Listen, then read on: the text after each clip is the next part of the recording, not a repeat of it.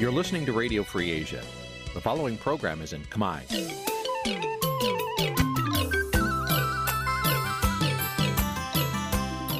នេះជាកម្មវិធីផ្សាយ Vuthu Azizi Serai នេះជាកម្មវិធីផ្សាយរបស់ Vuthu Azizi Serai ជាភាសាខ្មែរ Vuthu Azizi Serai សូមស្វាគមន៍លោកអ្នកនាងទាំងអស់ពីរដ្ឋធានី Washington នៃសហរដ្ឋអាមេរិក បាទខ្ញុំបាទយ៉ងច័ន្ទដារាសូមជម្រាបសួរលោកអ្នកនាងអ្នកស្ដាប់វិទ្យុអាស៊ីសេរីទាំងអស់ជាទីមេត្រីខ្ញុំបាទសូមជូនកម្មវិធីផ្សាយសម្រាប់ព្រឹកថ្ងៃសុក្រ15រោចខែពិសាឆ្នាំថោះបัญចស័កពុទ្ធសករាជ2567ត្រូវនឹងថ្ងៃទី19ខែឧសភាគ្រិស្តសករាជ2023បាទជាដំបូងនេះសូមអញ្ជើញអស់លោកអ្នកនាងស្ដាប់ព័ត៌មានប្រចាំថ្ងៃដែលមានមេត្តាដូចតទៅ thank you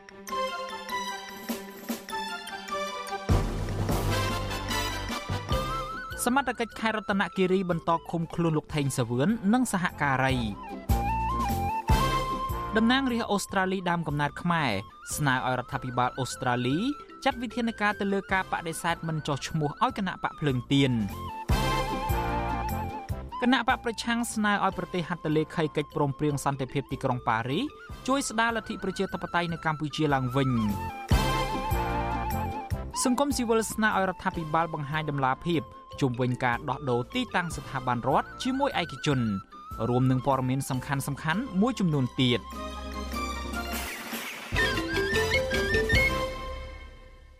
បាទជាបន្តទៅទៀតនេះខ្ញុំបាទយ៉ងច័ន្ទដារាសូមជូនព័ត៌មានទាំងនេះពិស្ដាកម្លាំងសមត្ថកិច្ចខេត្តរតនគិរីបន្តឃុំខ្លួនប្រធានសមាគមសម្ព័ន្ធសហគមន៍កសិករកម្ពុជា លោកថេងសាវឿននិងសហការី2នាក់ទៀត នៅស្នងការដ្ឋាននគរបាលខេត្តដោយសមត្ថកិច្ចមិនទាន់បញ្ជូនទៅតុលាការឬក៏ចោទប្រកាន់ពួកគេនៅឡើយទេអ្នកខ្លមើលសិទ្ធិមនុស្សឲ្យដឹងថាមកទល់នឹងយប់ថ្ងៃទី18ខែឧសភាម្សិលមិញសមត្ថកិច្ចបានយាមកាមយ៉ាងតឹងរឹងសូម្បីតែមេធាវីក៏គេមិនអនុញ្ញាតឲ្យចូលជួបដែរមន្ត្រីអង្គការសង្គមស៊ីវិលនិងសកម្មជនសិទ្ធិមនុស្សអះអាងថាការបន្តឃុំខ្លួនលោកថេងសាវឿននិងសហការីពីររូបទៀត ដើម្បីសួរចម្លើយដោយពុំអនុញ្ញាតឲ្យជួបមេធាវីបែបនេះគឺជាការរំលោភបំពានសិទ្ធិរបស់ពួកគាត់បាទលោកទីនហ្សាការីយ៉ារាយការណ៍ពិស្ដារអំពីរឿងនេះលោកថេងសវឿននិងសហគ្រីរបស់លោកពីរនាក់ទៀតគឺលោកញិលភៀបនិងលោកថាច់ហាចត្រូវបានកម្លាំងសមត្ថកិច្ចខេត្តរតនគិរីបញ្ជូនខ្លួនពីស្នងការខេត្តក្រចេះមកស៊ើបសួរបន្តនៅស្នងការដ្ឋាននគរបាលខេត្តរតនគិរីវិញនៅរសៀលថ្ងៃទី18ឧសភានេះ អ្នកនាំពាក្យសមាគមការពារសិទ្ធិមនុស្សអាត់ហុកលោកសឹងសានករណាប្រាប់វិទ្យុអាស៊ីសេរីថាស្នងការនគរបាលខេត្តរតនគិរីមិនអនុញ្ញាតឲ្យមេធាវីអង្គការលីកាដូនិងសមាគមការពារសិទ្ធិមនុស្សអាត់ហុកចូលជួបលោកថេងសាវឿននៅឡើយទេដោយលើកហេតុផលថាកម្លាំងសមត្ថកិច្ចមិនទាន់បញ្ចប់ការស៊ើបសួរនៅឡើយលោកបន្ថែមថាសមាគមការពារសិទ្ធិមនុស្សអាត់ហុកនិងអង្គការសង្គមស៊ីវិលផ្សេងៗទៀតនឹងនៅតែបន្តតាមដានអំពីការខាត់ខ្លួនលោកថេងសាវឿន និងសហការីរបស់លោកពីរនាក់ទៀតនេះចង់ឃើញនោះគឺចង់ឲ្យខាងស្ថាប័នពាក់ព័ន្ធរួមទាំងខាងតឡាការក្តីគួរតែដំកល់ទុកក្នុងករណីនេះដើម្បីគុំ ឲ្យមានការចាត់វិធានការទៅលើពួកគាត់អីគួរតែពិចារណាដើម្បីធ្វើឲ្យដោះលែងពួកគាត់ឲ្យមានសេរីភាពឡើងវិញដើម្បីទៅបំពេញការងារនិងសកម្មភាពរបស់ពួកគាត់ក្នុងការបម្រើទៅដល់ប្រជាពលរដ្ឋក៏ដូចជាបម្រើទៅដល់សង្គមជាតិយើងនិងរួមចំណែកជាមួយនឹងរដ្ឋាភិបាលក្នុងការអភិវឌ្ឍប្រទេសជាតិផងដែរបាទនៅមុនពេលបញ្ជូនលោកថេងសវឿនពីខេត្តក្រចេះទៅខេត្តរតនគិរីនោះ តំណាងឧត្តមស្នងការសិទ្ធិមនុស្សនៃអង្គការសហប្រជាជាតិបុគ្គលិកការពារសិទ្ធិមនុស្សនិងមន្ត្រីសិទ្ធិមនុស្សនៃអង្គការលីកាដូក៏ព្យាយាមចូលទៅស្នងការនគរបាលខេត្តក្រចេះកាលពីព្រឹកថ្ងៃទី18ឧសភាដើម្បីសួរនាំអំពីការខាត់ខ្លួនលោកថេងសាវឿននិងសហការីរបស់លោកដែរក៏ប៉ុន្តែស្នងការនគរបាលខេត្តក្រចេះមិនអនុញ្ញាតឲ្យជួបហើយក៏មិនឆ្លើយតបពីមូលហេតុនៃការខាត់ខ្លួននេះឡើយដោយលើកហេតុផលថាមិនទាន់ទទួលបានការអនុញ្ញាតពីថ្នាក់លើ សមាជិកខេត្តក្រចេះបានខាត់រថយន្តក្រុមការងារសមាគមសម្ព័ន្ធសហគមន៍កសិករកម្ពុជាដែលដឹកនាំដោយលោកថេងសាវឿនដែលកំពុងតែធ្វើដំណើរចេញពីខេត្តរតនគិរីមកខេត្តក្រចេះនិងបុគ្គលិកសមាគមសម្ព័ន្ធសហគមន៍កសិករកម្ពុជាសរុបចំនួន17នាក់រួមទាំងលោកថេងសវឿនផងហើយបានដកហូតកុំព្យូទ័រ laptop ចំនួន17គ្រឿងរួមទាំងទូរស័ព្ទរបស់ពួកគេទាំងអស់កាលពីថ្ងៃទី17ឧសភា សសមត្ថកិច្ចខេត្តក្រចេះមិនបានប្រាប់ពីមូលហេតុនៃការខាត់ខ្លួននេះឡើយដែលគ្រាន់តែបានអះអាងថាការខាត់ខ្លួននេះគឺធ្វើឡើងតាមសំណើរបស់ស្នងការខេត្តរតនគិរីតែប៉ុណ្ណោះទោះជាយ៉ាងណាក្រោយពីសាកសួរពេញមួយល្ងាចសមត្ថកិច្ចខេត្តក្រចេះបានដោះលែងបុគ្គលិកសមាគមសម្ព័ន្ធសហគមន៍កសិករកម្ពុជាចំនួន14នាក់វិញនៅល្ងាចថ្ងៃទី17ឧសភាវិទ្យុអសិរ័យមិនអាចតតងស្នងការនគរបាលខេត្តរតនគិរីលោកអង្គសុភិប និងអ្នកនាំពាក្យសាលាខេត្តរតនគិរីលោកនាងសំអាតដើម្បីសាកសួរជំវិញនឹងរឿងនេះបានឡើយទេនៅថ្ងៃទី18ឧសភាជំវិញនឹងរឿងនេះសកម្មជនសិទ្ធិមនុស្សនិងជាអ្នកការពារបរិស្ថានលោកសាន់ម៉ាឡាយល់ឃើញថាការបន្តឃុំខ្លួនប្រធានសមាគមសម្ព័ន្ធសហគមន៍កសិករកម្ពុជាលោកថេងសាវឿននិងសហការីរបស់លោកនេះមិនត្រឹមតែជាការគម្រិតកំហែងទៅលើស្ថាប័ននេះទេ ប៉ុន្តែបង្ហាញពីការគម្រិតកំហែងសេរីភាពការងាររបស់អង្គការសង្គមស៊ីវិលផ្សេងៗទៀតដែរលោកស្នើឲ្យកម្លាំងសមត្ថកិច្ចដោះលែងលោកថេងសាវឿននិងសហការីរបស់លោកឲ្យមានសេរីភាពឡើងវិញជាបន្ទាន់มันមានមេត្រាលក្ខខណ្ឌណាមួយដែលទាមទារឲ្យអង្គការសមាគមទៅតែជូនដំណឹងទៅតែផ្ដល់ទទួលការអនុញ្ញាតពីអាជ្ញាធរមុននឹងធ្វើសកម្មភាពទេហើយការជួបជុំប្រមូលផ្ដុំដែល និយាយដែលជជែកក្នុងនៃពាក់ព័ន្ធជាមួយនឹងសិទ្ធិមនុស្សសេរីភាពប្រជាធិបតេយ្យរហូតទៅដល់បញ្ហានយោបាយក៏មិនមែនជាបញ្ហាខុសឆ្គងដែរពីព្រោះរឿងទាំងអស់នេះគឺត្រូវបានធានាដោយរដ្ឋធម្មនុញ្ញច្បាប់ជាតិនិងអន្តរជាតិហើយសមាគមសម្ព័ន្ធសហគមន៍កសិករកម្ពុជាត្រូវបានបង្កើតឡើងកាលពីឆ្នាំ2011ដោយចောင်းក្រងសហគមន៍កសិករចំនួន10ដែលរងការរំលោភបំពានសិទ្ធិដីធ្លីកិត្តិកម្មឆ្នាំ2023 សមាគមនេះមានសមាជិកដែលជាសមាជិកកសិករជិត20000នាក់មកពីបណ្ដាខេត្តចំនួន10នៅទូទាំងប្រទេសមន្ត្រីអង្គការសង្គមស៊ីវិលលើកឡើងថាការខាត់ខ្លួនលោកថេងសវឿននិងសហការីរបស់លោកគឺអាចបណ្ដាលមកពីសមាគមសម្ព័ន្ធសហគមន៍កសិករកម្ពុជា បានធ្វើការងារយ៉ាងសកម្មក្នុងការពង្រឹងសិទ្ធិអំណាចកសិករដែលរងគ្រោះពីការរំលោភបំពានដីធ្លីឲ្យចេញតវ៉ាទាមទារសិទ្ធិសេរីភាព និងទាមទារដីធ្លីរបស់ពួកគេ។ខ្ញុំបាទទីនសាការីយ៉ាអស៊ីសេរីប្រធានីវ៉ាស៊ីនតោន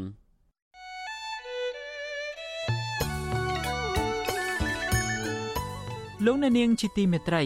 វិទ្យុអាស៊ីសេរីចាប់ផ្ដើមដំណើរការផ្សាយផ្ទាល់កម្មវិធីព័ត៌មានទាំងពេលព្រឹកនិងពេលយប់ជាផ្លូវការនៅលើបណ្ដាញសង្គមថ្មីមួយទៀតគឺបណ្ដាញសង្គម Telegram ចាប់ពីខែមេសាឆ្នាំ2023នេះតទៅ លោកអ្នកនាងអាចស្វែងរក Telegram ផ្លូវការរបស់ Vuthu Azizi Serai ដោយស្វែងរកពាក្យថា Virtual Azizi Siri ឬក៏ RFA ខ្មែរនៅលើទូរស័ព្ទដៃរបស់លោកអ្នកនាង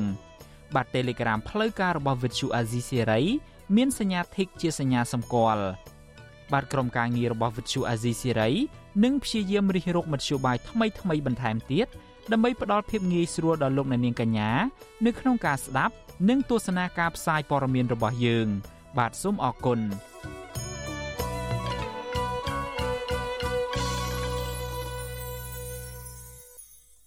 បាទលោកអ្នកនាងជាទីមេត្រីយើងងាកមកចាប់អារម្មណ៍ពាក់ព័ន្ធទៅនឹងបញ្ហាលទ្ធិប្រជាធិបតេយ្យនៅកម្ពុជាឯនេះវិញមន្ត្រីគណៈបកប្រឆាំងស្នើទៅបណ្ដាប្រទេសហត្ថលេខីនៃកិច្ចព្រមព្រៀងសន្តិភាពទីក្រុងប៉ារី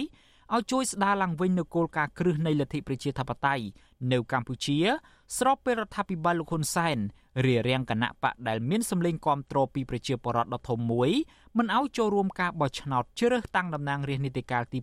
7នៅថ្ងៃទី23ខែកក្កដាខាងមុខមន្ត្រីគណៈបកកណ្ដាលអំណាចឆ្លើយតបថា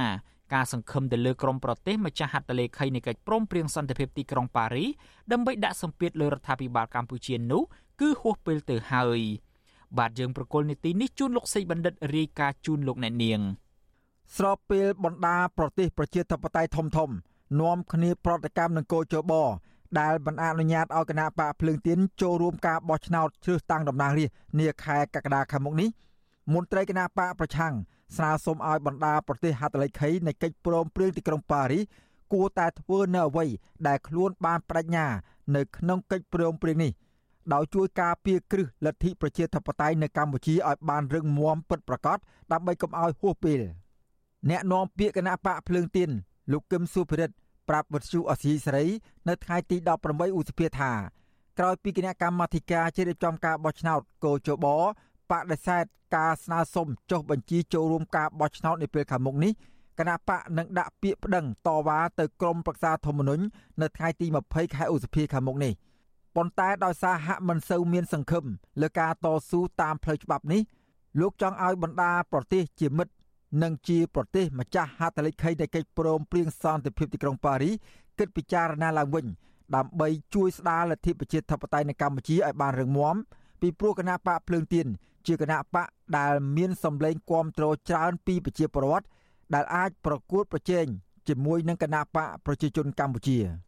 ចង់ឲ្យមិត្តដែលជាបណ្ដាប្រទេសដែលពាក់ព័ន្ធហត្ថលេខីហើយក្រុមប៉ារីសហ្នឹងចាប់ឡើងវិញទៅដើម្បីលទ្ធិជាផ្ទៃរឹងមាំប្រកបនៅកម្ពុជាធ្វើចូលរួមធ្វើអ្វីខ្លះកុំឲ្យវាពុះពេលលោកគឹមសួរភិរិទ្ធបន្តថាស្របពេលគណៈបកភ្លើងទៀនមិនអាចចុះឈ្មោះចូលរួមការបោះឆ្នោតជាតិនាពេលខាងមុខនេះបានថ្នាក់ដឹកនាំគណៈបកបានទៅជួបជាមួយតំណាងស្ថានទូតបរទេសមួយចំនួនហើយដែរក្នុងនោះមានដូចជាតំណាងសហភាពអឺរ៉ុប ស្ថានទូតអាល្លឺម៉ង់និងស្ថានទូតអូស្ត្រាលីជាដើមលោកបន្ថែមថាក្រៅពីនេះគណៈបកក៏បានត្រៀមអ្នកច្បាប់ដើម្បីឡើងទៅបំភ្លឺតវ៉ានៅក្រមប្រឹក្សាធម្មនុញ្ញហើយគណៈបកនៅតែសង្ឃឹមថានឹងអាចចូលរួមការបោះឆ្នោតបានធ្វើត្បិតនៅសល់ត្រឹមដង្ហើមចុងក្រោយក្តីលោកបញ្ជាក់ថាតាមនីតិវិធីច្បាប់ក្រមប្រឹក្សាធម្មនុញ្ញនឹងកោះហៅតំណាងគណៈបកទៅបំភ្លឺ អំឡុងរយៈពេល10ថ្ងៃបន្ទាប់ពីទទួលបានពាក្យបណ្ដឹងតវ៉ាទោះយ៉ាងណាក៏ដោយអ្នកនាំពាក្យគណៈបកប្រជាជនកម្ពុជាលោកសុកអេសានឆ្លើយតបថាកិច្ចព្រមព្រៀងសន្តិភាពទីក្រុងប៉ារីមិនអាចយកមកអនុវត្តបានទៀតទេ ហើយរាល់កិច្ចការទាំងអស់ត្រូវសម្រេចឡើងពីរដ្ឋាភិបាលកម្ពុជា ដែលកើតចេញពីការបោះឆ្នោត ការបដិសេធរបស់គោចបមិនទទួលពាក្យសុំចុះឈ្មោះចូលរួមការបោះឆ្នោតរបស់គណៈបកភ្លើងទៀន ក៏ពុំធ្វើឲ្យបាត់បង់លទ្ធិប្រជាធិបតេយ្យពីកម្ពុជានោះដែរទៅសង្ឃឹមបរទេសទៀតនេះគេគិតតែប្រទេសគេនឹងមិនទាំងរួចខ្លួនផងឲ្យតែពឹងតែគិតទៅរឿងអីភ្លើងទៀនអីតូចមួយហ្នឹងអត់បានទេ អានឹងកុំសង្ឃឹមឡើយហើយចាំពាក្យខ្ញុំទុកអត់មានទេកុំសង្ឃឹមរឿងបរទេសអីមកឈឺក្បាលជាមួយភ្លើងជាតិដែលគ្មានការទទួលខុសត្រូវដាក់ឯកសារមិនគ្រប់ឲ្យគេហើយគឺថាកិច្ចពីការទទួលខុសត្រូវហើយដាក់កំហុសទៅលើអ្នកដតីអានឹងវាមិនត្រឹមត្រូវទេថ្មីត្បិតមានការលើកឡើងពីមន្ត្រីគណៈបកកណ្ដាលអំណាចបែបនេះបណ្ដាស្ថានទូតប្រទេសមហាអំណាច ដូចជាស្ថានទូតសហរដ្ឋអាមេរិកបារាំងនិងសហភាពអឺរ៉ុប រួមទាំងអង្គការអន្តរជាតិមួយចំនួនទៀតបានចេញសេចក្តីថ្លែងការណ៍ជាបន្តបន្ទាប់ដោយបង្ហាញពីការសោកស្ដាយជុំវិញការមិនចុះបញ្ជីឲ្យគណៈបកភ្លើងទៀនបានចូលរួមការបោះឆ្នោត និងចាត់ទុកថាជាការរឹតបន្តឹងការប្រកួតប្រជែងនយោបាយសហភាពអឺរ៉ុបជំទាស់យ៉ាងដាច់អហង្ការចំពោះសេចក្តីសម្រេចរបស់គោចបនិងចាត់ទុកសកម្មភាពបែបនេះគឺជាការដកហូតសិទ្ធិពលរដ្ឋកម្ពុជាបន្ថែមទៀតនៅក្នុងការជ្រើសរើសតំណាងរបស់ខ្លួន។ ចំណែកស្ថានទូតបារាំងបញ្ជាក់ដែរថាវាជាសញ្ញាគួរឲ្យព្រួយបារម្ភមួយ ដែលធ្វើឲ្យប៉ះពាល់ដល់លក្ខណៈប្រជាធិបតេយ្យនៃការបោះឆ្នោតដោយប្រទេសទាំងនេះអំពាវនាវឲ្យអាជ្ញាធរមានសមត្ថកិច្ចចាត់វិធានការចាំបាច់នានាអនុញ្ញាតឲ្យគណៈបកភ្លើងទៀនអាចចូលរួមប្រកួតប្រជែងតាមគន្លងប្រជាធិបតេយ្យដ៏សំខាន់មួយនេះអ្នកវិភាគនយោបាយលោកបណ្ឌិតសេងសេរីយល់ឃើញថាយន្តការរបស់អន្តរជាតិនៅពេលនេះ អាចមានឥទ្ធិពលតិចតួចលើរដ្ឋាភិបាលកម្ពុជាម្យ៉ាងទៀតវាត្រូវការពេលវេលា និងអ្នកពូកែទំនាក់ទំនងខាងការទូតដើម្បីធ្វើយ៉ាងណាជំរុញឲ្យបណ្ដាប្រទេសម្ចាស់ហត្ថលេខីនៃកិច្ចព្រមព្រៀងសន្តិភាពទីក្រុងប៉ារីចេញអន្តរាគមជុំវិញរឿងមិនអនុញ្ញាតឲ្យគណៈបកភ្លើងទៀនចូលរួមការបោះឆ្នោតនេះយន្តការអន្តរជាតិវាជាជំរើសមួយនៅក្នុងចំណោមជំរើស ផ្សេងទៀតរបស់គណៈបកភ្លើងទៀនដើម្បីអាចចូលរួមការប្រកួតឆ្នាំ2023នេះបានក៏ប៉ុន្តែសម្រាប់ខ្ញុំខ្ញុំមើលឃើញថាយន្តការអន្តរជាតិនេះមិនមែនជាជំរឿនអតិភិបសម្រាប់គណៈបកភ្លើងទៀនទេហើយយន្តការអន្តរជាតិបច្ចុប្បន្ននេះត្រូវបានគេមើលឃើញថាជាយន្តការដែលមានតិចដែលមានអតិពលតិចតួចណាស់ទៅលើរដ្ឋាភិបាលកម្ពុជាកិច្ចព្រមព្រៀងសន្តិភាពទីក្រុងប៉ារីសឆ្នាំ1991ដើម្បីបញ្ចប់ចំនួននយោបាយនៅកម្ពុជា បានបញ្ជាក់ថា រដ្ឋធម្មនុញ្ញត្រូវប្រកាសថាកម្ពុជានឹងអនុវត្តប្រព័ន្ធប្រជាធិបតេយ្យសេរី ដោយឈរលើមូលដ្ឋានពហុបកត្រូវកំណត់ឲ្យមានការបោះឆ្នោតដ៏ត្រឹមត្រូវនិងតាមកាលវេលាត្រូវអនុញ្ញាតសិទ្ធិសម្រាប់បោះឆ្នោត និងឈរឈ្មោះឲ្យគេបោះឆ្នោត តាមរបៀបបោះឆ្នោតសកល និងស្មើភាពរដ្ឋធម្មនុញ្ញក៏ត្រូវអនុញ្ញាតឲ្យមានការបោះឆ្នោតដោយសម្ងាត់ដោយតម្រូវឲ្យទម្រង់បែបបទនៃការបោះឆ្នោតត្រូវផ្ដល់ឱកាសគ្រប់គ្រាន់និងសមរម្យ ដើម្បីរៀបចំ និងចូលរួមនៅក្នុងដំណើរការបោះឆ្នោតកិច្ចព្រមព្រៀងសន្តិភាពទីក្រុងប៉ារីសក៏បញ្ជាក់ដែរថាបណ្ដាប្រទេសម្ចាស់ហត្ថលេខីទាំងអស់បានបដិញ្ញាចិត្តដ៏ជាក់លាក់ដើម្បីធានាការគោរពសិទ្ធិមនុស្សនៅកម្ពុជាគាំទ្រសិទ្ធិពលរដ្ឋខ្មែរក្នុងការលើកស្ទួយនិងការពារសិទ្ធិហើយចាត់វិធានការដ៏មានប្រសិទ្ធភាពដើម្បីធានាថា នយោបាយនិងការប្រព្រឹត្តពីអតីតកាលឬចំនួនពីអតីតកាល មិនអនុញ្ញាតឲ្យវិលត្រឡប់មកកម្ពុជាវិញឡើយខ្ញុំបាទសេកបណ្ឌិតវុទ្ធុអាស៊ីសេរីពីរដ្ឋធានីវ៉ាស៊ីនតោនបាទលោកនាងជាទីមេត្រីពាក់ព័ន្ធទៅនឹងការមិនអនុញ្ញាតឲ្យគណៈបកភ្លើងទៀនចូលរួមការបោះឆ្នោតនេះដែរតំណាងរាស្ត្រអូស្ត្រាលីដើមកំណត់ខ្មែរលោកតាក់មេងហៀងអំពាវនាវដល់រដ្ឋាភិបាលអូស្ត្រាលីចាត់វិធានការឲ្យបានម៉ឺងម៉ាត់ចំពោះរដ្ឋាភិបាលកម្ពុជា ដែលបានបដិសេធមិនឲ្យគណៈបកភ្លើងទៀនចូលរួមប្រគល់ប្រជែងនៅក្នុងការបោះឆ្នោតជាតិនាពេលខាងមុខអ្នកតាមដានស្ថានភាពនយោបាយយល់ឃើញថាប្រតិកម្មធ្លាក់មុខជាបន្តបន្ទាប់នេះអាចនឹងមានឥទ្ធិពលទៅលើរដ្ឋាភិបាលលោកហ៊ុនសែនបាទលោកនៅវណ្ណរិនរាយការណ៍ពឹស្ដារអំពីរឿងនេះ។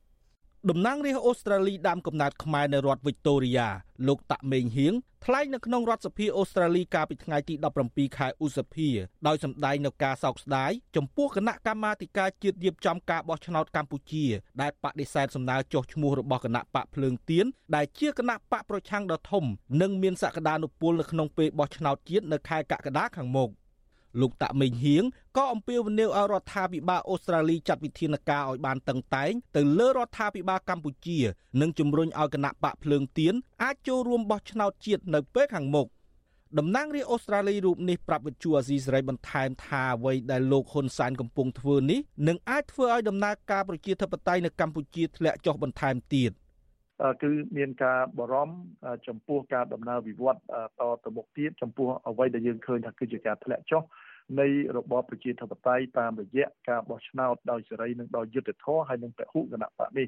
ដូច្នេះហើយកិច្ចការរបស់យើងគឺធ្វើជាសម្លេងទៅដល់ប្រជាជនខ្មែរនៅក្នុងមណ្ឌលនិងប្រជាជនខ្មែរនៅក្នុងប្រទេសអូស្ត្រាលីនេះដើម្បីអំពាវនាវដល់ប្រទេសអូស្ត្រាលីដែលតែងតែចាត់ទុកប្រទេសកម្ពុជាជាមិត្តថាធ្វើម៉េចដើម្បីឲ្យពួកគាត់អាចចូលរួមការបោះឆ្នោតនឹងដោយសេរី ក្រោយពីគណៈកម្មការជាតិរៀបចំការបោះឆ្នោតចេញលិខិតផ្លូវការបដិសេធការចុះឈ្មោះរបស់គណៈបកភ្លើងទៀនកាលពីដើមសប្តាហ៍នេះមានប្រតិកម្មជាបន្តបន្ទាប់ពីសំណាក់ប្រទេសនិយមប្រជាធិបតេយ្យអង្គការសង្គមស៊ីវិលនិងអង្គការអង្កេតការរៀបចំការបោះឆ្នោតទាំងថ្នាក់ជាតិនិងអន្តរជាតិដោយថ្កោលទោសលើការសម្រេចចិត្តនេះ។ លោកតាក់មេងហៀងក៏បានបញ្ជាក់ប្រាប់វិទ្យុអាស៊ីសេរីនៅក្នុងកម្មវិធីផ្សាយការពីយប់ថ្ងៃប្រហ័សទី18ឧសភាថាវាមិនទាន់ហួសពេលទេ ដែលកោជបគួរពិចារណាឡើងវិញនៅក្នុងការចុះឈ្មោះឲ្យគណៈបកភ្លើងទៀនបានចូលរួមប្រគួតប្រជែងនៅក្នុងការបោះឆ្នោតជាតិនៅថ្ងៃទី23ខែកក្កដាខាងមុខដើម្បីជៀសវាងការដាក់សម្ពាធពីប្រទេសប្រជាធិបតេយ្យធំៗ តំណាងរាស្ត្រអូស្ត្រាលីដើមកំណើតខ្មែររូបនេះបន្ថែមថាប្រទេសអូស្ត្រាលីនៅតែឈរជាមួយលទ្ធិប្រជាធិបតេយ្យនិងជំរុញឲ្យគណៈបកជំទាស់ដ៏ធំរបស់កម្ពុជា បានចូលរួមប្រគល់ប្រជែងការបោះឆ្នោតនាពេលខាងមុខគឺខ្ញុំជឿជាក់ថារដ្ឋាភិបាលអូស្ត្រាលីតាមរយៈស្ថានទូតអូស្ត្រាលីក្តីតាមរយៈក្រសួងការបរទេសក្តីនឹងនឹង មានចំណាត់ការជាបណ្ដាជាបណ្ដានៅក្នុងការធ្វើម៉េចដើម្បីជួយសម្រួលជួយអន្តរាគមឲ្យលទ្ធិប្រជាធិបតេយ្យជាពិសេសឲ្យអាជ្ញាធរពាក់ព័ន្ធក្រសួងពាក់ព័ន្ធនឹងអាចបើកផ្លូវឲ្យគណៈបកភ្លើងទៀននឹងលោកអាចចូលរួមនៅក្នុងការបោះឆ្នោតជុំវិញការលើកឡើងរបស់លោកតាក់មេងហៀងនេះវិទ្យុអាស៊ីសេរីមិនអាចសុំការឆ្លើយតបពីគណៈកម្មការជាតិរៀបចំការបោះឆ្នោតកោជបនិងមន្ត្រីអ្នកណែនាំពាក្យគណៈបកកណ្ដាលអំណាចលោកសុកអេសានបាននៅឡើយទេ ទោះជាយ៉ាងណាលោកនាយករដ្ឋមន្ត្រីហ៊ុនសែនធ្លាប់លើកឡើងកន្លងមកថារដ្ឋាភិបាល និងគណៈបកកណ្ដាលអំណាចរបស់លោកមិនខ្វល់ខ្វាយចំពោះសម្ពាធពីអន្តរជាតិនោះឡើយហើយប្រទេសកម្ពុជាក៏ធ្លាប់រងសម្ពាធពីក្រមប្រទេសប្រជាធិបតេយ្យរួចមកហើយកាលពីអតីតកាល។អ្នកជំនាញខាងវិទ្យាសាស្ត្រនយោបាយលោកអែមសវណ្ណរាយល់ថាប្រតិកម្មជាបន្តបន្ទាប់ជុំវិញការបដិសេធចុះឈ្មោះឲ្យគណៈបកភ្លើងទៀនចូលរួមការបោះឆ្នោតនាពេលខាងមុខ ពិតជាមានឥទ្ធិពលដល់រដ្ឋាភិបាលកម្ពុជា ពីព្រោះប្រទេសកម្ពុជា ជាប្រទេសហត្ថលេខីលើសន្ធិសញ្ញាជាច្រើន រួមទាំងទទួលបាននៅការអនុគ្រោះផ្សេងផ្សេងក្នុងការនាំចូលផលិតផលរបស់ខ្លួនទៅកាន់សហគមន៍អឺរ៉ុបនិងសហរដ្ឋអាមេរិកជាដើម។ គណៈវត្តមានគណៈបកភ្លើងទៀននៅក្នុងការបោះឆ្នោតថ្នាក់ជាតិខែកក្កដាខាងមុខហ្នឹងវាបកគោឬក៏ឆ្លុះប្រចាំងពីកាសថាបរិយាកាសឬក៏សិទ្ធិប្រជាធិបតេយ្យនៅកម្ពុជាហ្នឹងហាក់ដូចជារួមឬក៏តូចចង្អៀតហើយខ្ញុំគិតថាវាជាបញ្ហាប្រឈមសម្រាប់កម្ពុជាទាំងមូលទៅវិញទេបើសិនបើកម្ពុជាអាចរៀបចំខ្លួនឬក៏សម្របសម្រួលឲ្យមានបរិយាកាសនយោបាយបានធ្វើម៉េចកុំឲ្យបាត់បង់នៅប្រព័ន្ធអនុគ្រោះពន្ធដូចជា EBA ហើយនឹងគេហៅថា GSP វិសារដ្ឋអាមេរិកខ្ញុំគិតថាជាការខាត់បងរបស់ប្រទេសកម្ពុជាទាំងមូលហើយរដ្ឋកម្ពុជាមានការបារម្ភឬក៏សោកស្ដាយបើសិនជាឱកាសនឹងវាឈានទៅដល់ដំណាក់កាលដែលសហគមន៍អឺរ៉ុបឬក៏សហរដ្ឋអាមេរិកដកប្រព័ន្ធអនុគ្រោះពន្ធពីកម្ពុជាទាំងស្រុងមែនបាទ ក្រមប្រទេសនិយមលទ្ធិប្រជាធិបតេយ្យនិងអង្គការអន្តរជាតិមួយចំនួនលើកឡើងថាប្រសិនបើរដ្ឋាភិបាលកម្ពុជាចង់ឲ្យពិភពលោកទទួលស្គាល់លទ្ធផលនៃការបោះឆ្នោតខែកក្កដាខាងមុខរដ្ឋាភិបាលកម្ពុជាត្រូវតែបញ្ឈប់នៅរាល់កិច្ចខិតខំប្រឹងប្រែងក្នុងការរៀបរៀងគូប្រជែងរបស់ខ្លួនហើយត្រូវជំនួសមកវិញដោយការធានាឲ្យបាននៅលំហសម្រាប់គ្រប់ភាគីចូលរួម ពួកគេថាប្រសិនបើរបបលោកហ៊ុនសែននៅតែបន្តរៀបរៀងគណៈបកប្រឆាំងមិនឲ្យចូលរួមការបោះឆ្នោតទៀតនោះសហគមន៍អន្តរជាតិត្រូវតែបដិសេធមិនផ្ដល់ភាពស្របច្បាប់ដល់រដ្ឋាភិបាលថ្មី ដែលពួកគេយល់ថាកើតចេញពីការបោះឆ្នោតដោយคล้ายคล้ายនិងបន្លំខ្ញុំបាទនៅវណ្ណរិន With Chu Azizi Saray ពីរដ្ឋធានី Washington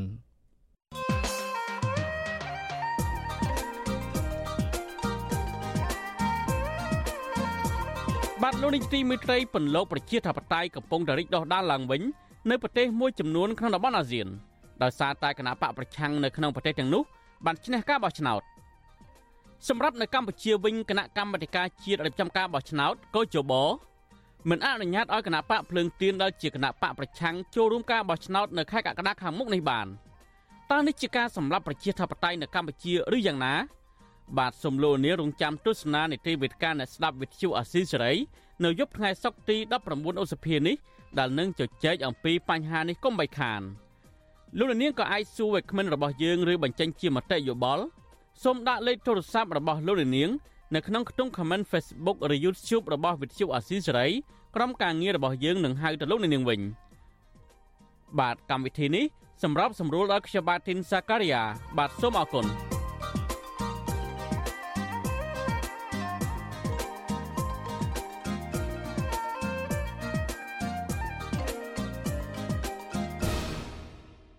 បាទលោកអ្នកនាងជាទីមេត្រីពាក់ព័ន្ធទៅនឹងសំណុំរឿងរបស់លោកថាច់សេដ្ឋាឯនេះវិញ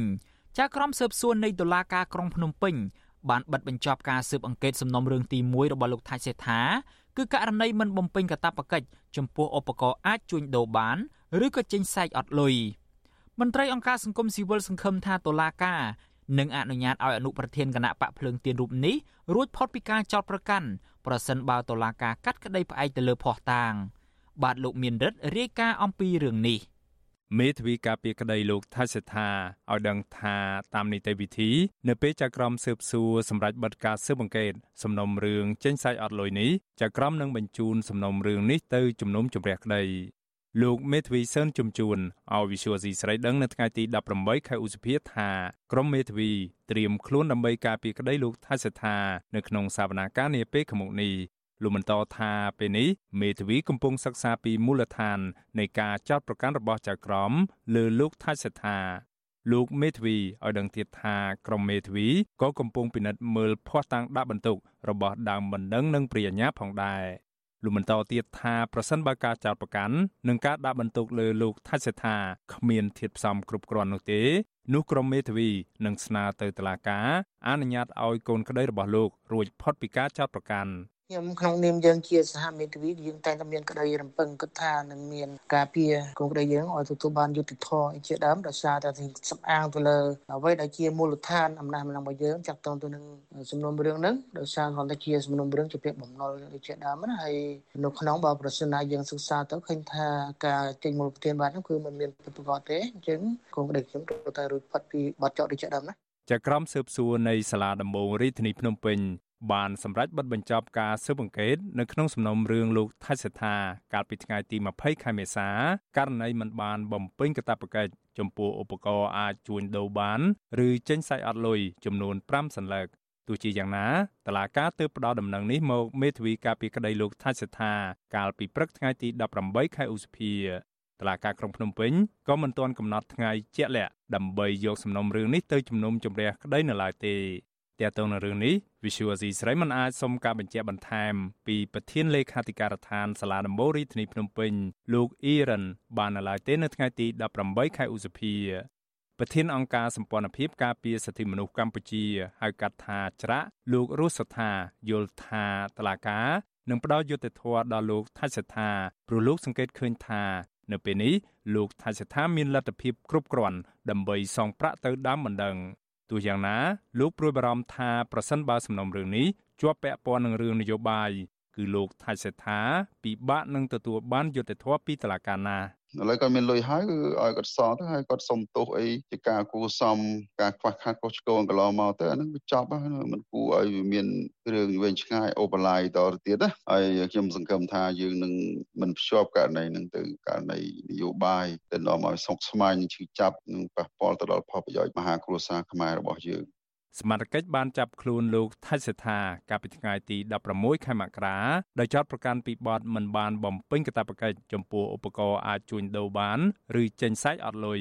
កិនមកដល់ពេលនេះលោកថាសេដ្ឋាត្រូវបានតុលាការឃុំខ្លួននៅពន្ធនាគារព្រៃសរអស់រយៈពេល122ថ្ងៃហើយឬជាង4ខែមកហើយក្រៅពីសំណុំរឿងមួយនេះតឡាការក្រុងភ្នំពេញក៏បានចោទប្រកាន់លោកថាច់សេដ្ឋា អនុប្រធានគណៈបកភ្លើងទៀនមួយករណីទៀតកាលពីពេលថ្មីថ្មីនេះគឺពីបទញុះញង់បង្កឲ្យមានភាពវឹកវរធ្ងន់ធ្ងរដល់សន្តិសុខសង្គមនិងបទញុះញង់ឲ្យមានការរើសអើងផ្អែកតាមមាត្រា494មាត្រា495និងមាត្រា496នៃក្រមព្រហ្មទណ្ឌតឡាកាក៏បានសម្រេចឃុំខ្លួនលោកថៃសថាបន្ថែមពីលើបទចោទចាស់ទី1ផងដែរ អង្គការសង្គមស៊ីវិលជាតិនិងអន្តរជាតិរិះគន់ថាការចោទប្រកាន់ទាំងពីរករណីនេះទៅលើលោកថៃសេដ្ឋាគឺមានចរិតនយោបាយច្រើនជាងការអនុវត្តច្បាប់ និងជំរុញទៅតុលាការឲ្យផ្ដាល់សេរីភាពជូនលោកថៃសេដ្ឋាវិញខ្ញុំបានមេរិត Visual Asia ស្រីពីរដ្ឋធានី Washington លោកអ្នកនាងជាទីមេត្រីអង្គការសង្គមស៊ីវិលស្នើឲ្យរដ្ឋាភិបាលបង្ហាញដំណាភាព ជុំវិញការដោះដូរទីតាំងដីរបស់តុលាការទៅជាយក្រុង ដើម្បីទុកទីតាំងនៅទីប្រជុំជនប្រគល់ឲ្យវិស័យឯកជនយកទៅអភិវឌ្ឍពួកគេលើកឡើងថាកន្លងទៅរដ្ឋាភិបាលតែងតែធ្វើឲ្យសាធារណជនមានចម្ងល់អំពីការផ្លាស់ប្តូរទីតាំងរដ្ឋជាមួយនឹងឯកជនឬក៏ការផ្ដាល់ដីឯកជនក្នុងទីក្រុងភ្នំពេញថាអាចមានអំពើពុករលួយ និងផ្ដាល់សម្រាប់តែបកពួកក្រុមអ្នកមានអំណាច បាទលោកអ្នកនាងនឹងបានស្ដាប់សេចក្តីរាយការណ៍នេះពឹស្ដានៅក្នុងការផ្សាយរបស់យើងបន្តិចទៀតនេះ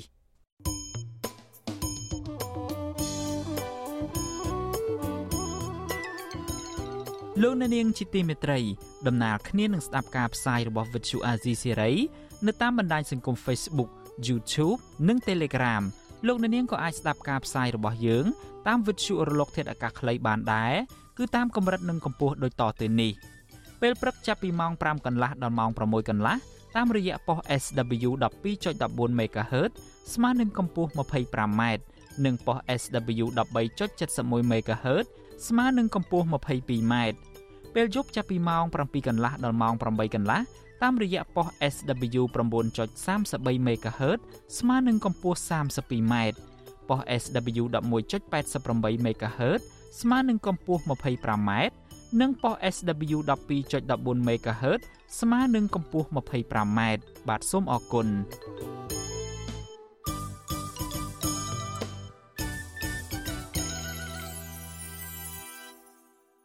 លោកអ្នកនាងកំពុងស្ដាប់ការផ្សាយរបស់ Vuthu Azizi Serai ពីរដ្ឋធានី Washington នៃសហរដ្ឋអាមេរិកពាក់ព័ន្ធទៅនឹងបញ្ហាជីវភាពរបស់ប្រជាពលរដ្ឋនៅឯខេត្តរតនគិរីឯណោះវិញស្ថានភាពទឹកទន្លេសេសានឡើងចុះមិនទៀងទាត់ នៅរយៈពេល5ឆ្នាំចុងក្រោយនេះធ្វើឲ្យជនជាតិដើមភាគតិចជាច្រើនគ្រួសារដែលរស់នៅតាមបណ្ដោយដងទន្លេនេះនៅក្នុងខេត្តរតនគិរីជួបការលំបាកជាខ្លាំងផ្នែកជីវភាពទិន្នផលត្រីធ្លាក់ចុះនិងការប្រែប្រួលអាកាសធាតុពួកគាត់សង្កេតឃើញថាទិន្នផលត្រីនៅក្នុងអាងទន្លេសេសាន បានធ្លាក់ចុះកាន់តែខ្លាំងបន្ទាប់ពីភាគីវៀតណាមបានបង្ហូរទឹកចេញពីផ្ទៃអាងនៃទំនប់វារីអគ្គិសនីយ៉ាលី នៅរយៈពេលជាង2សប្តាហ៍កន្លងទៅនេះ។ បាទលោកជីវិតាសូមជូនសេចក្តីរាយការណ៍ពិស្ដាអំពីរឿងនេះដូចតទៅពលរដ្ឋរស់នៅតាមដងទន្លេសេសាន ក្នុងខេត្តរតនគិរីអំពាវនាវឲ្យអាជ្ញាធរនិងក្រសួងធនធានទឹករកមធ្យោបាយរៀបចំប្រព័ន្ធគ្រប់គ្រងទឹកឲ្យល្អប្រសើរឡើងវិញដើម្បីឲ្យរំហូរទឹកទន្លេសេសានដើរតាមគន្លងធម្មជាតិពួកគាត់លើកឡើងដូចនេះដោយសារទឹកទន្លេសេសាន នៅរយៈពេល5ឆ្នាំចុងក្រោយនេះប្រែប្រួលខុសប្រក្រតីពលនៅពេលទឹកស្រក គឺស្រកខ្លាំងរីងដល់បាតទន្លេ ហើយនៅពេលដែលទឹកឡើងខ្លាំងបង្កើតជាគ្រោះមហន្តរាយទឹកជំនន់ជន់លិចផ្ទះសម្បែងនិងផលដំណាំរបស់ពលរដ្ឋពលរដ្ឋរស់នៅស្រុកអូយ៉ាដាវខេត្តរតនគិរីលោកស្រីសេវធីប្រាប់វិទ្យុអាស៊ីសេរីនៅថ្ងៃទី17ឧសភាថាពេលនេះទឹកទន្លេសេសានចាប់ផ្ដើមស្រកយ៉ាងលឿនជាថ្មីទៀតស្ទើរតែដល់បាតទន្លេធ្វើឲ្យត្រីជាច្រើនប្រភេទបានផ្លាស់ទីទៅអន្លង់ទឹកជ្រៅ ប្រឈមការបាត់បង់ដោយសារជនខិលខូចលួចនេសាទនៅក្នុងតំបន់នោះលោកស្រីថាទិន្នផលត្រីក្នុងអាងទន្លេសេសានឆ្នាំនេះធ្លាក់ចុះខ្លាំងស្ទើរតែនេសាទលែងបានធ្វើឲ្យជនជាតិដើមភាគតិចជាច្រើនគ្រួសារជួបការលំបាកផ្នែកជីវភាព ហើយត្រូវចំណាយប្រាក់ទិញម្ហូបពីផ្សារជារៀងរាល់ថ្ងៃ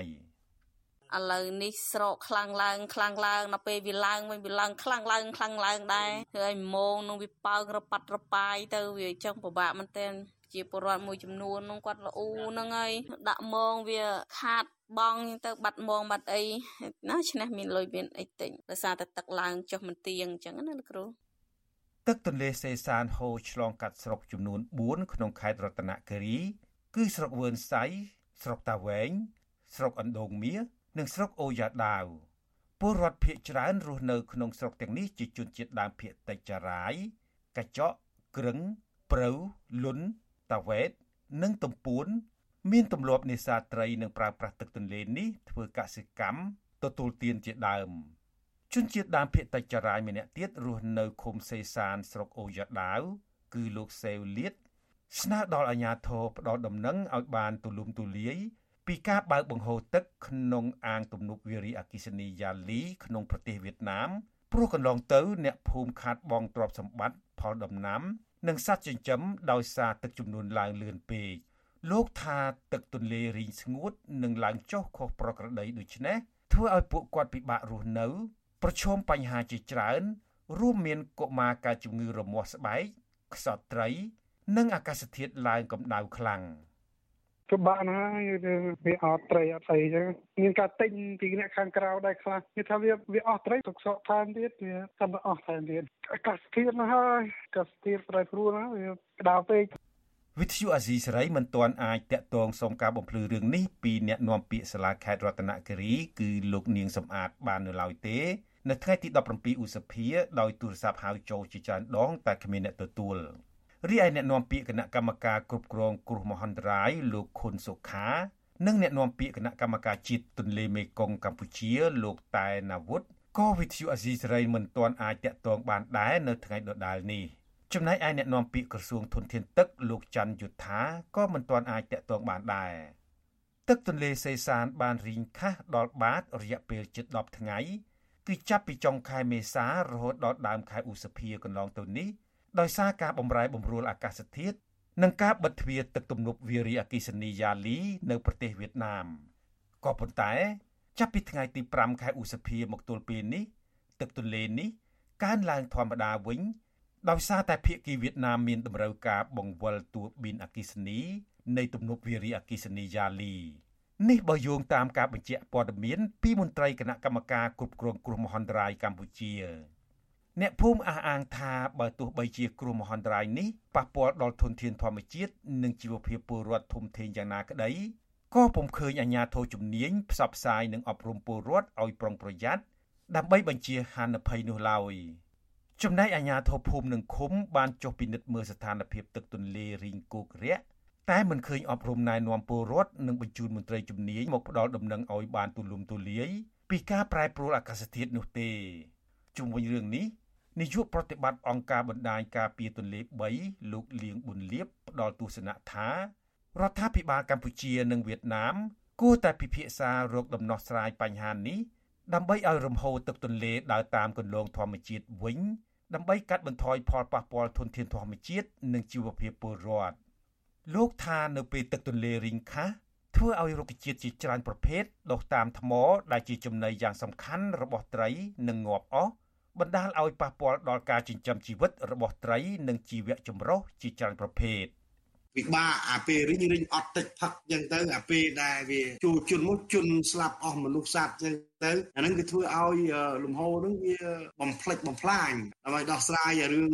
វិបត្តិនៅផ្នែកខាងក្រោមហ្នឹងគួរតែរយន្តសាសនាចរចាគ្នាដើម្បីធ្វើឲ្យលំហូរដូចធម្មជាតិឡើងវិញអាហ្នឹងបានស្តៀងមិនដូចពេកទេក៏ដល់ឲ្យស្តៀងមកគឺវាវាមិនប្រែប្រួលខ្លាំងពេកដែលធ្វើឲ្យបាត់បង់ជីវៈចម្រុះក្នុងទឹកហ្នឹងណា ប្រទេសវៀតណាមបានចាប់ផ្ដើមសាងសង់ទំនប់វារីអគ្គិសនីយ៉ាលីនៅឆ្នាំ1993និងបញ្ចប់ការសាងសង់នោះនៅឆ្នាំ1999ទំនប់វារីអគ្គិសនីយ៉ាលីមានកម្លាំង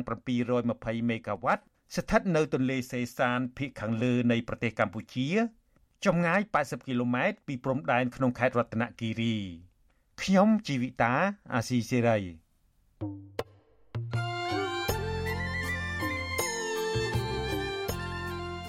លោកអ្នកនាងជាទីមេត្រី នៅក្នុងឱកាសនេះដែរខ្ញុំបាទសូមថ្លែងអំណរគុណដល់លោកអ្នកនាងកញ្ញាទាំងអស់ដែលតែងតែមានភក្ដីភាពចំពោះការផ្សាយរបស់យើងហើយចាត់ទុកការស្ដាប់វិទ្យុអាស៊ីសេរី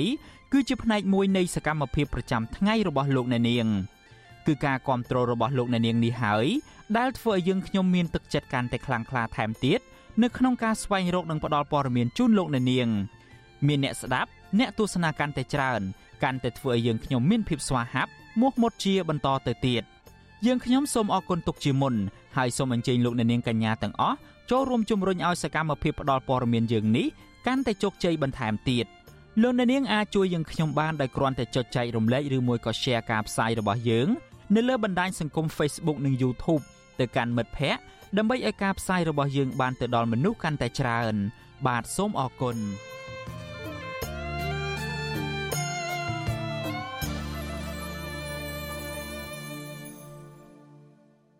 បាទលោកអ្នកនាងជាទីមេត្រីនៅឯខេត្តសៀមរាបឯណោះវិញអញ្ញាធរខេត្តសៀមរាបបន្តជីកគាស់កកាយផ្លូវបេតុង និងផ្លូវលំអអស់ជាច្រើនខ្សែដើម្បីរៀបចំប្រព័ន្ធលូរំដោះទឹកកខ្វក់ជាថ្មីទៀតនៅក្នុងក្រុងសៀមរាបធ្វើឲ្យខូចខាតទ្រង់ទ្រាយផ្លូវខាតបង់ថវិកាជាតិនិងប៉ះពាល់ដល់ជីវភាពរស់នៅរបស់ប្រជាពលរដ្ឋក្រុមអង្គការសង្គមស៊ីវិលនិងប្រជាពលរដ្ឋរិះគន់អាជ្ញាធរថាมันបានគិតគូរវែងឆ្ងាយ ក្នុងការស្ថាបនាផ្លូវប្រកបដោយគុណភាពយូរអង្វែងនោះឡើយហើយបញ្ហានេះបន្តកើតមានដដែលដដែលបាទអ្នកស្រីម៉ៅសុធានីរាយការណ៍ពឹស្ដាអំពីរឿងនេះអញ្ញាធរខេត្តសៀមរាបបន្តរៀបចំប្រព័ន្ធលូរំដោះទឹកកខ្វក់នៅតាមដងផ្លូវមួយចំនួនក្នុងសង្កាត់សាលាកំរើក សង្កាត់ស្លក្រាម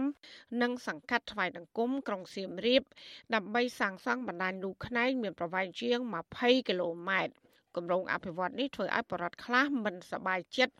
និងបន្ទោសអាជ្ញាធរតែធ្វើឲ្យខូចទ្រង់ទ្រាយផ្លូវបេតុងជាច្រើនខ្សែដោយសារអាជ្ញាធរប្រាគ្រឿងចាក់ជីកគាស់កកាយកំទេចទ្រូងផ្លូវដើម្បីបង្កប់ប្រព័ន្ធលូជាថ្មីទៀតបរដ្ឋរស់នៅក្រុងសៀមរាបលោកសំពុទ្ធីប្រពន្ធអសីសេរី នៅថ្ងៃទី18ខែឧសភាថាមុនពេលសាងសង់ផ្លូវអាជ្ញាធរពាក់ព័ន្ធមិនបានគិតគូរទុកជាមុនរៀបចំប្រព័ន្ធលូរំដោះទឹកភ្លៀង លូរំដោះទឹកកខ្វក់លូបង្កប់ខ្សែកាប និងលូបង្កប់ខ្សែភ្លើងឲ្យគ្រប់ជ្រុងជ្រោយនោះឡើយគឺធ្វើផ្លូវឲ្យតែរួចពីដៃ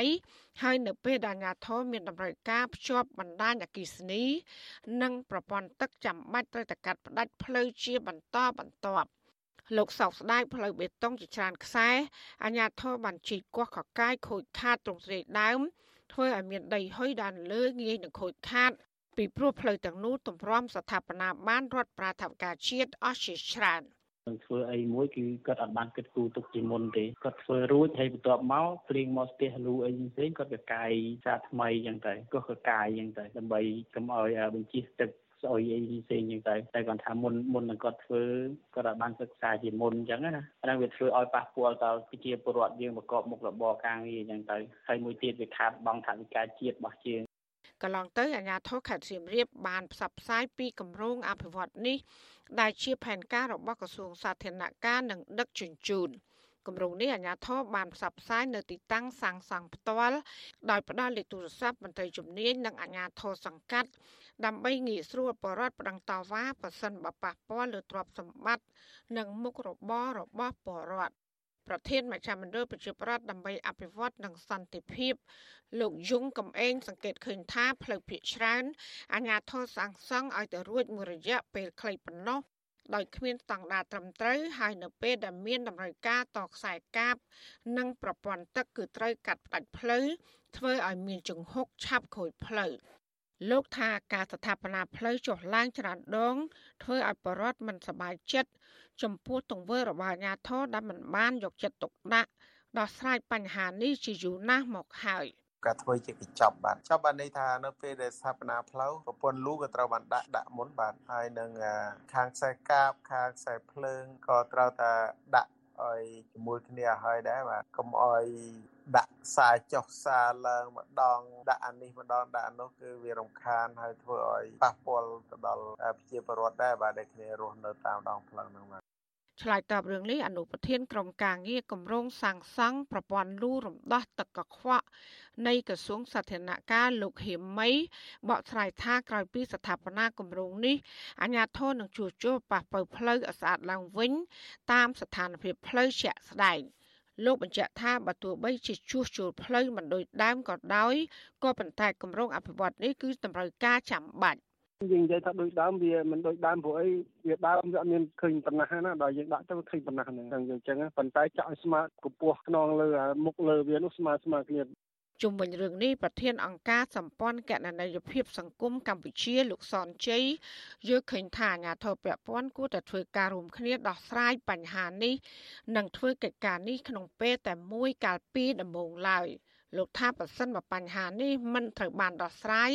នោះនឹងនាំឲ្យខូចខាតគុណភាពផ្លូវហើយរដ្ឋក៏ត្រូវចំណាយធនធានច្រើនបន្ថែមទៀតដើម្បីសាងសង់ផ្លូវជាបន្តបន្ទាប់ដដែលដដែលសាងសង់ផ្លូវហើយហើយទៅចោះទៅពុះដាក់តទឹក ឬក៏ទៅ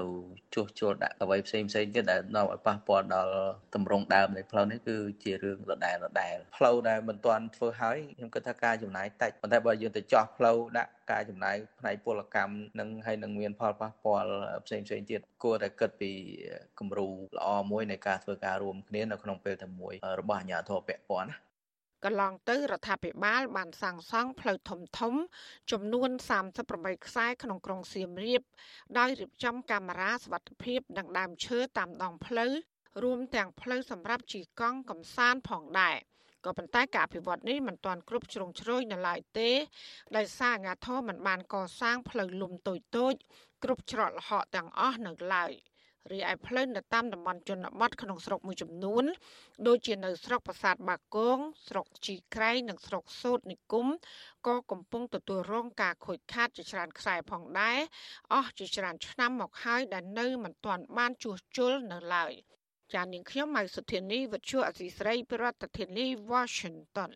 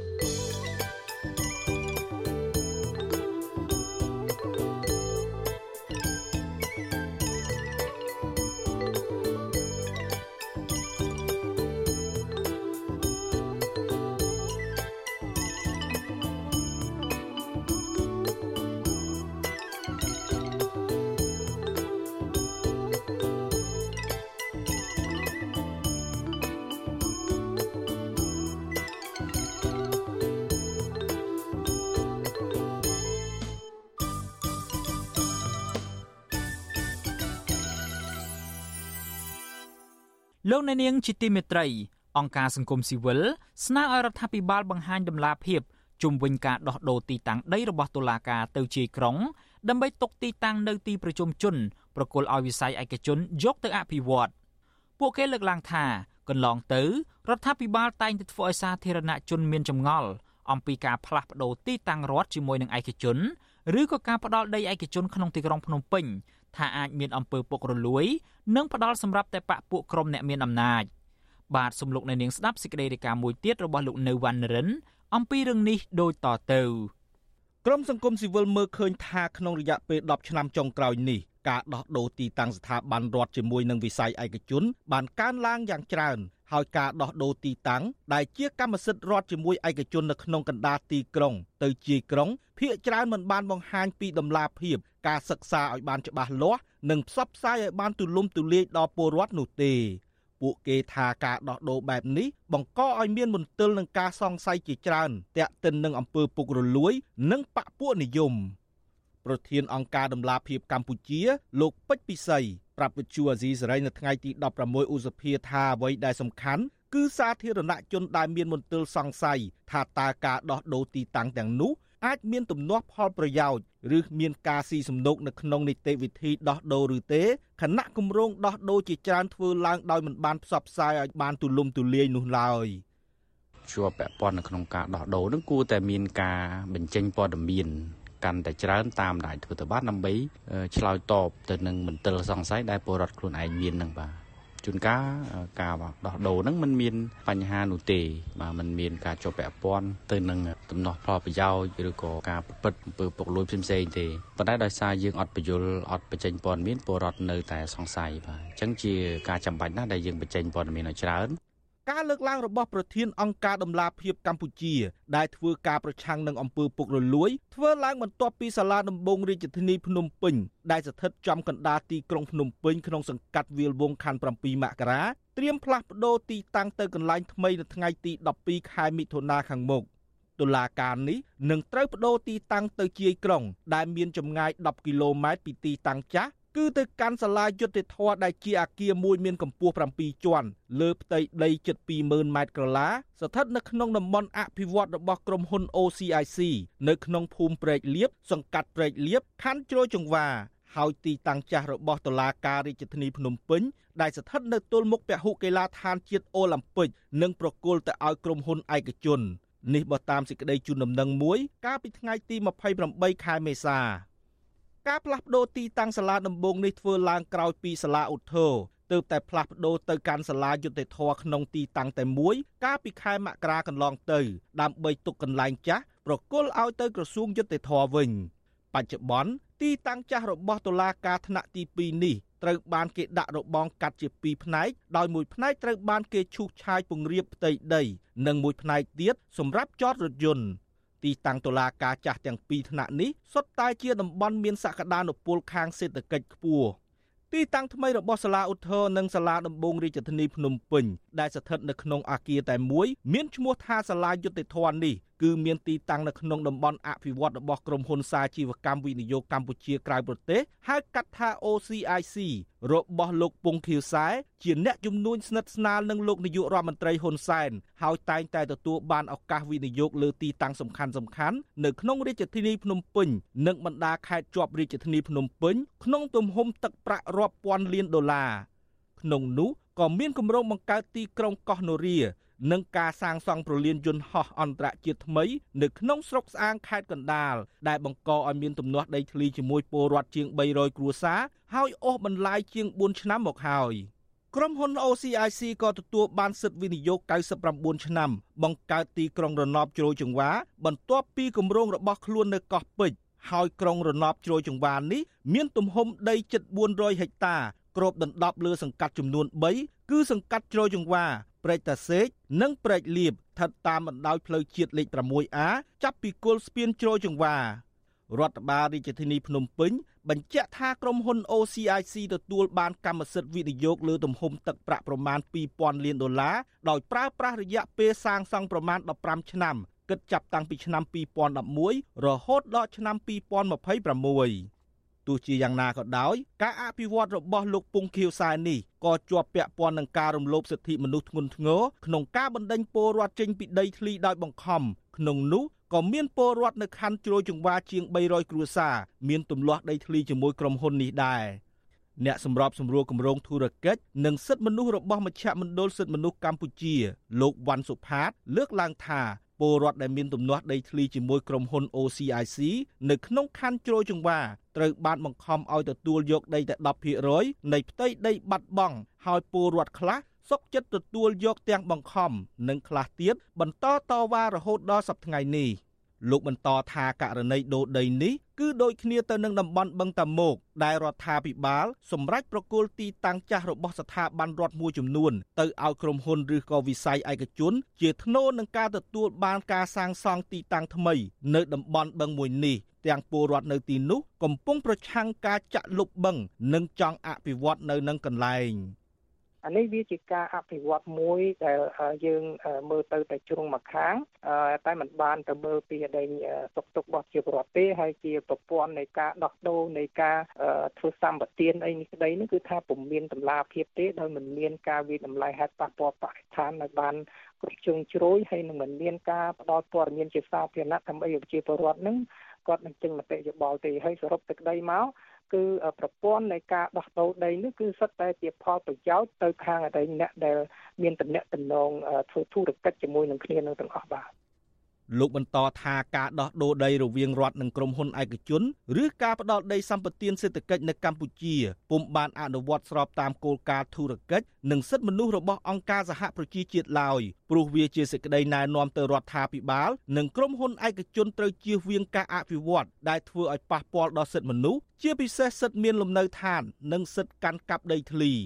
លើសពីនេះរដ្ឋាភិបាលពុំបានតាមដានការធ្វើធុរកិច្ចរបស់ក្រុមហ៊ុនឯកជនមួយចំនួនដែលធ្វើឲ្យប៉ះពាល់សិទ្ធិមនុស្សឬចាត់វិធានការទៅតាមផ្លូវច្បាប់ផ្ទុយទៅវិញគេមើលឃើញថារដ្ឋាភិបាលនិងក្រុមហ៊ុនឯកជនសហការគ្នាដើម្បីធ្វើធុរកិច្ចស្វែងរកផលចំណេញចែកគ្នាលើទឹកភ្នែករបស់ពលរដ្ឋទៅវិញ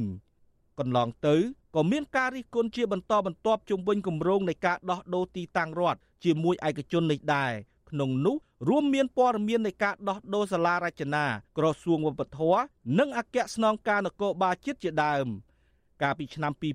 2017លោកណេតសាវឿនអគ្គស្នងការនគរបាលជាតិធ្លាប់ដាក់លិខិតទៅលោកសខេងរដ្ឋមន្ត្រីក្រសួងមហាផ្ទៃស្នើសុំដោះដូរទីតាំងចាស់របស់អគ្គស្នងការនគរបាលជាតិក្នុងសង្កាត់ទន្លេបាសាក់នៃខណ្ឌចំការមនទៅទីតាំងថ្មីស្ថិតនៅជ័យក្រុងក្នុងខណ្ឌដង្កោដើម្បីទុកដីទីតាំងចាស់ឲ្យក្រុមហ៊ុនអភិវឌ្ឍឈ្មោះ Longma Investment and Real Estate ក៏ប៉ុន្តែសំណើនេះត្រូវបានលោកសខេងបដិសេធ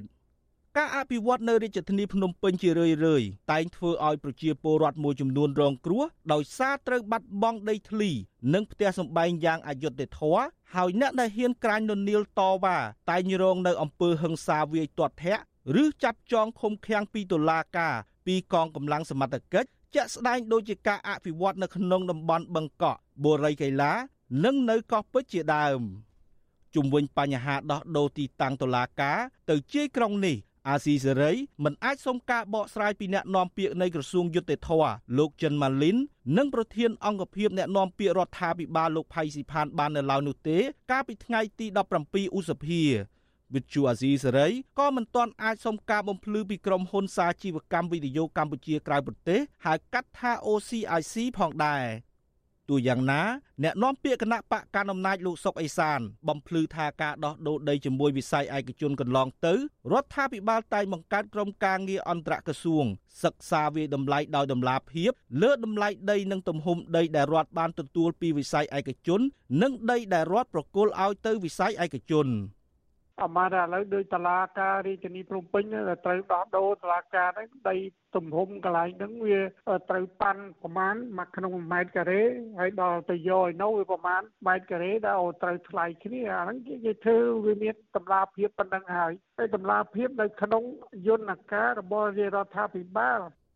ប្រធានសមាគមការពារសិទ្ធិមនុស្សអាត6លោកនីសុខាថាលោកមិនបានប្រឆាំងនឹងការផ្លាស់ប្តូរទីតាំងតុលាការទៅកន្លែងថ្មីនោះឡើយក៏ប៉ុន្តែលោកថាការផ្លាស់ប្តូរនោះគួរធ្វើឡើងដោយតម្លាភាពខណៈការផ្លាស់ប្តូរទីតាំងរវាងរដ្ឋនិងឯកជនត្រូវបានគេមើលឃើញថាប្រៀបដូចជារបររកស៊ីដែលធ្វើឲ្យរដ្ឋមិនសូវចំណេញច្រើនជាងវិស័យឯកជនឡើយ។ លោកយល់ថាការផ្លាស់ប្តូរទីតាំងតុលាការទៅកាន់តំបន់ឆ្ងាយពីទីប្រជុំជននេះក៏ធ្វើឲ្យពលរដ្ឋដែលត្រូវទទួលសេវាកម្មពីតុលាការត្រូវចំណាយថវិកាខ្ពស់ជាងមុនលើមធ្យោបាយធ្វើដំណើរនិងការដឹកអ្នកជាប់ឃុំទៅកាន់តុលាការ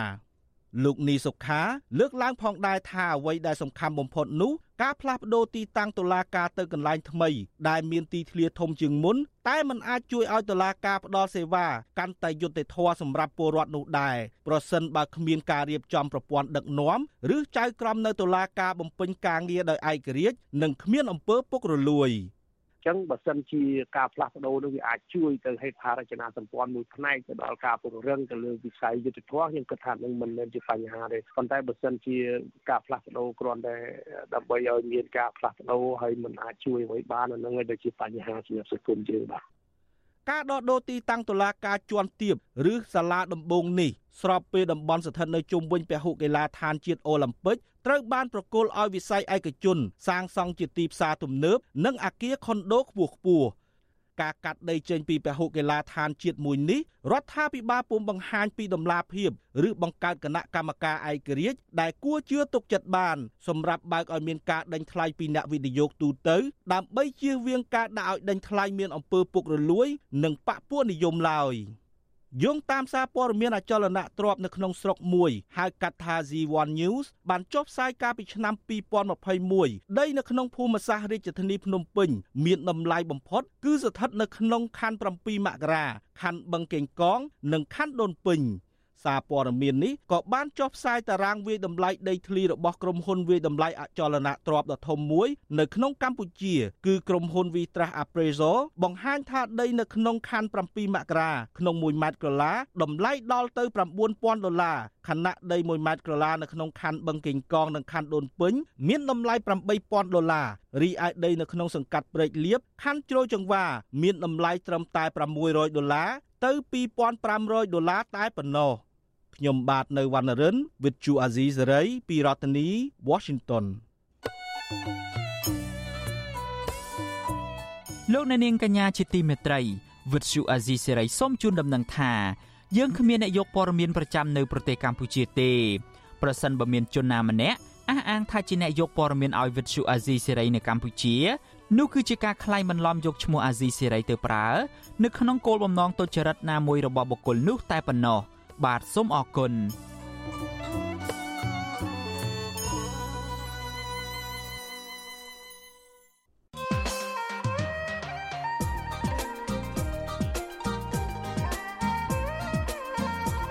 ាទលោកនាយកទីមេត្រីពន្លកប្រជាធិបតេយ្យកំពុងតែរីកដុះដាលឡើងវិញនៅប្រទេសមួយចំនួនក្នុងតំបន់អាស៊ានដោយសារតែគណៈបកប្រឆាំងនៅក្នុងប្រទេសទាំងនោះបានឈ្នះការបោះឆ្នោត។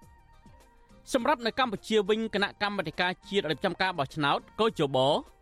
មិនអនុញ្ញាតឲ្យគណៈបកភ្លើងទៀនដែលជាគណៈបកប្រឆាំងចូលរួមការបោះឆ្នោតនៅខែកក្កដាខាងមុខនេះបានតើនេះជាការសម្លាប់ប្រជាធិបតេយ្យនៅកម្ពុជាឬយ៉ាងណា បាទសំលូនីរងចាំទស្សនានីតិវិទ្យាអ្នកស្ដាប់វិទ្យុអាស៊ីសេរី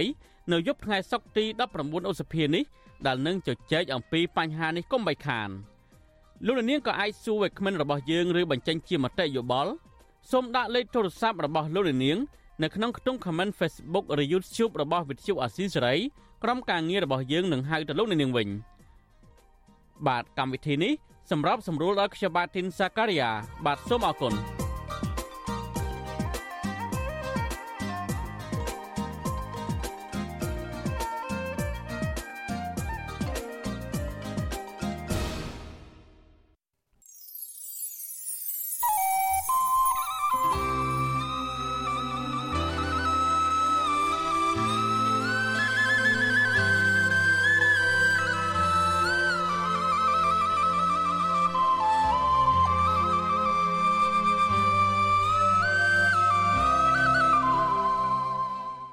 លោកអ្នកនាងជាទីមេត្រីការផ្សាយរយៈពេល1ម៉ោងរបស់ Vuthu Azizi Serai នៅព្រឹកនេះចប់ត្រឹមតែប៉ុណ្ណេះយើងខ្ញុំសូមជូនពរដល់លោកអ្នកនាងព្រមទាំងក្រុមគ្រួសារទាំងអស់ឲ្យជួបប្រកបតែនឹងសេចក្តីសុខចម្រើនរុងរឿងកុំបីឃ្លៀងឃ្លាតឡើយខ្ញុំបាទយ៉ងច័ន្ទដារាព្រមទាំងក្រុមការងារទាំងអស់នៃ Vuthu Azizi Serai សូមអរគុណនិងសូមជម្រាបលា